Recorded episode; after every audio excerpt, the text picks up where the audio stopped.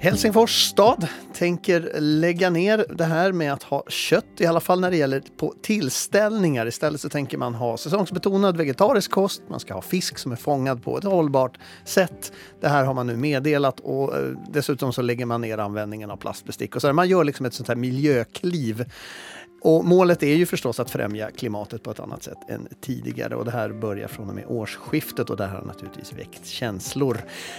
Thomas Len heter jag, du lyssnar på Nyhetspodden och jag har med mig Anna Dönsberg, miljö och klimatreporter här på Svenska Yle. Åsikterna går ju isär om det här. Hur reagerar du själv när du läste om Helsingfors stadsbeslut? Jag tycker att det är en viktig gest. Och, och ärligt talat, det tycker de forskare jag har talat med från Helsingfors universitets institut för hållbarhetsvetenskap också. Mm. Det är ju inte en, en jätteavgörande gest med tanke på Helsingfors stads utsläpp. Men det är en symbolisk gest som, mm. som, som jag tycker att hör till och som är i linje med stadens målsättning om att halvera kött och mjölkanvändning fram till 2025. Vi ska gå tillbaka till det där med symbolvärdet, men jag tänker att en del av den här diskussionen går just det här att nu blivit påtvingade att äta kött. Hjälper jag verkligen miljön om jag nu plötsligt slutar äta? Så jag tänkte att vi kanske skulle kunna börja i den änden för att lite försöka förklara varför det är problematiskt att äta kött och hur det bidrar till den här liksom klimatpåverkan. Om man ser på det så här globalt så kan man säga att vår planet faktiskt inte håller för den nuvarande mängden nötboskap. Mm. Och tittar man på Finland så är det så att, att eh, 70 procent av vår åkerareal används för foder och vall. 70 procent är ju väldigt mycket, så de som tänker att vad ska vi då äta om vi inte får äta kött? Ja, då återstår oss väldigt mycket åkerareal att odla ett och annat på. Och cirka hälften av det som kor äter i Finland är gräs och, och resten är kraftfoder som består av då spannmål, och raps och rybskross.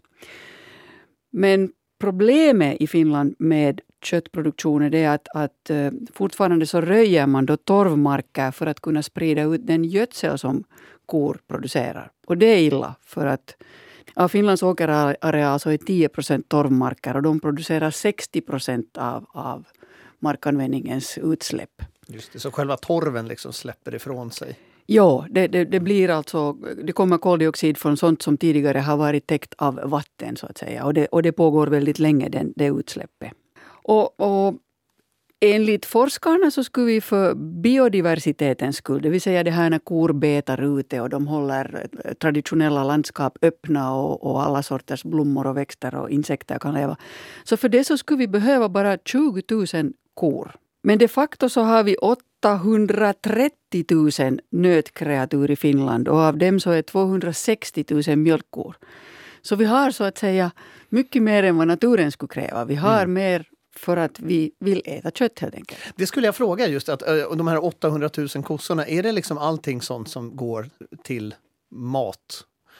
Ja, alltså inte, de flesta kor äts upp och tjurar, tjurkalvar Faktiskt. Och mjölkas då? Och, ja, alltså av de här mjölkkorna så de är då 260 000.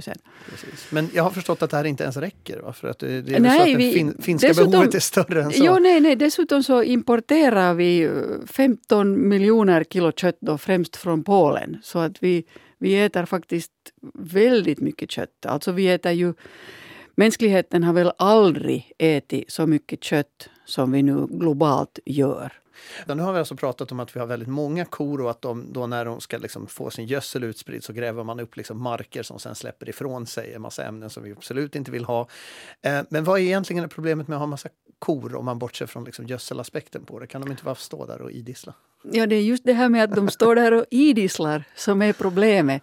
Alltså när en ko äter så, så åker ju maten omkring i dess fyra magar och där i vommen så där förvandlas det till först vete och, och sen blir det metan sen när den släpper ut det. Och om kon inte skulle göra det här så skulle den ju explodera.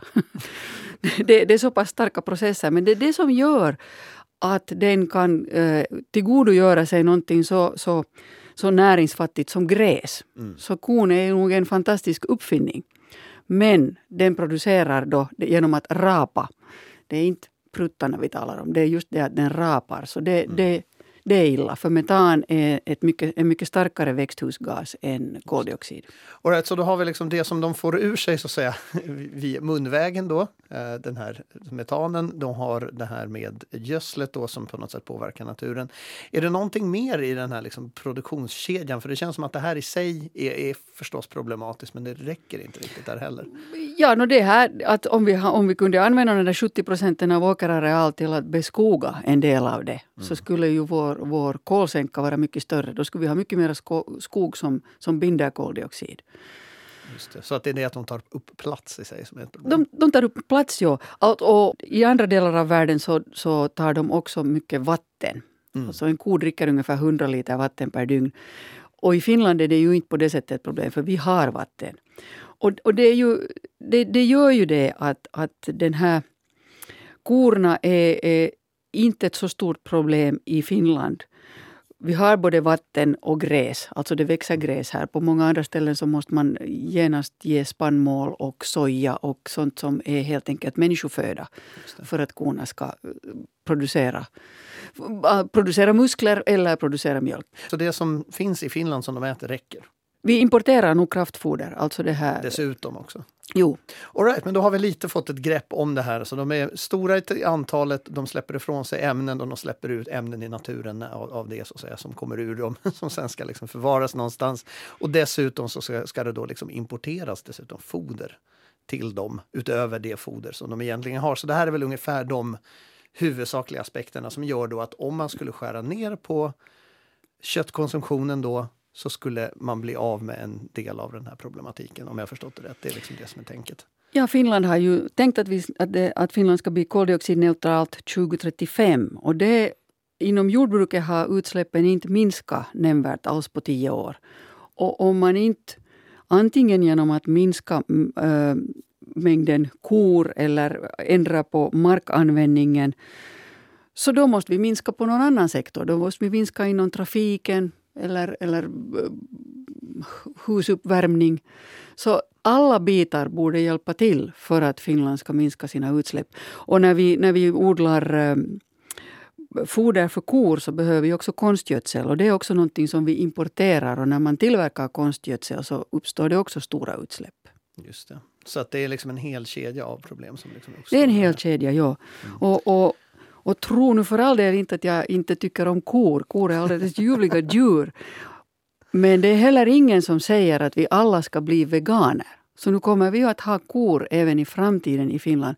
Men vi borde inte ha lika många som vi har idag. Alltså jag skulle kunna ge dig en bild av liksom hur mycket nötboskap och, och vi har i världen. Alltså att om, man skulle, om man skulle eh, fördela världens biomassa på däggdjur så är 35 procent av den människor.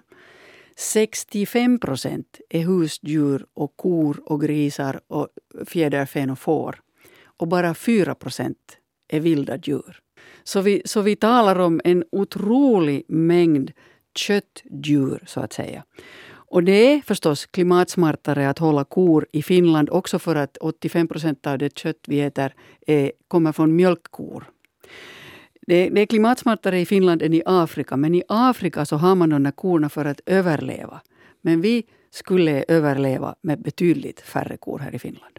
Och då kommer vi tillbaka till den här Helsingfors stadsbeslut då, eh, där det i princip är tillställningar som alltså inte kommer att, så att säga, tillhandahållas med kött i någon form utan man kommer att servera fisk eller någon form av grönsaker.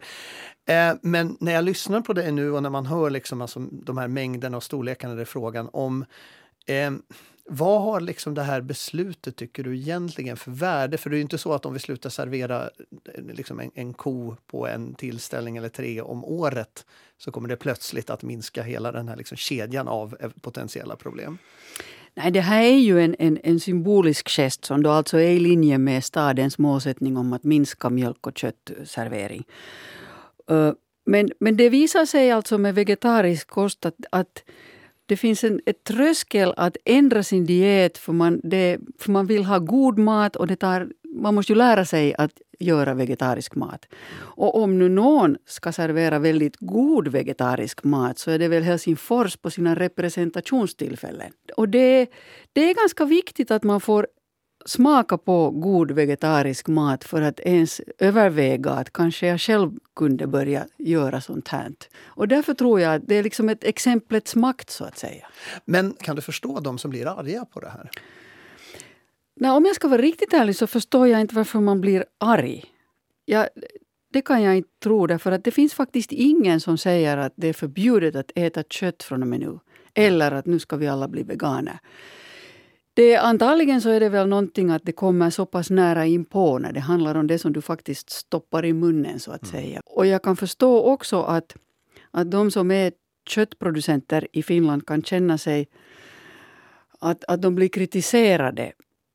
Men, men eftersom vi alla på något sätt måste dra vårt strå till stacken i att ta ner de här utsläppen så då måste förstås politikerna leva upp till sitt löfte att, att att jordbrukare som har mjölk och köttproduktion måste på något sätt kompenseras.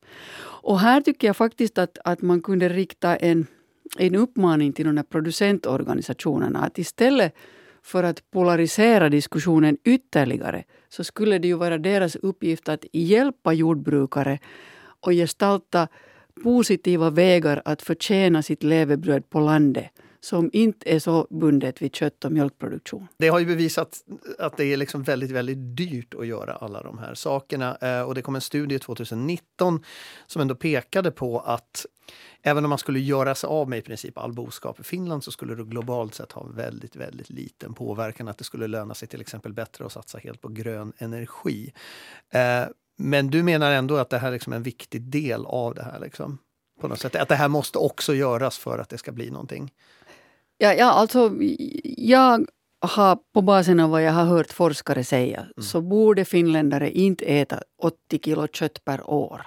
Vi borde komma ner till kanske 40. Och det betyder att man nog får äta kött varje vecka, men inte varje dag.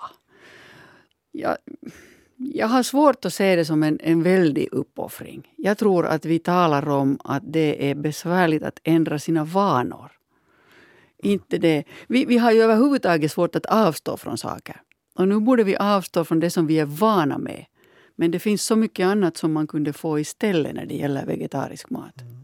Jag tänker då i, i det här sammanhanget för att få folk att sluta äta den här mängden kött. Och även om man inte vill att de ska sluta äta helt men alltså på något sätt vilja påverka folk att liksom minska ner på det här så kan man ju se liksom Helsingfors stads utspel som en sån här liksom del i det här. Att man på något sätt vill i alla fall lyfta upp det här till debatten. Innan vi gjorde det här programmet så diskuterade vi med kollegor och det, det finns, det väcker ju en del diskussion och en del cynism också. Att om man bortser från huruvida man tycker om att äta kött eller inte så finns det den här aspekten som säger att det här är bara billig politik för att man egentligen inte kan ta tag i de här riktiga klimatfrågorna. Istället så greppar man efter någon sån här liksom enkel del. Håller du med om det? Ja, alltså jag förstår ju att man kan tycka att allt det här antingen går för snabbt eller för långsamt.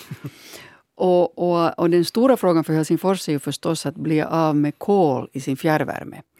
Men jag kan inte se hur vi borde sitta och vänta på att vi blir av med kolet i, i fjärrvärmen innan vi gör några andra åtgärder. Det här är ju, den här lilla gesten, det är trots allt en ganska liten gest, har ett symbolvärde just för att den, den påminner om att det finns en målsättning om att i längden faktiskt halvera användningen av mjölk och kött i, i stadens kosthållning.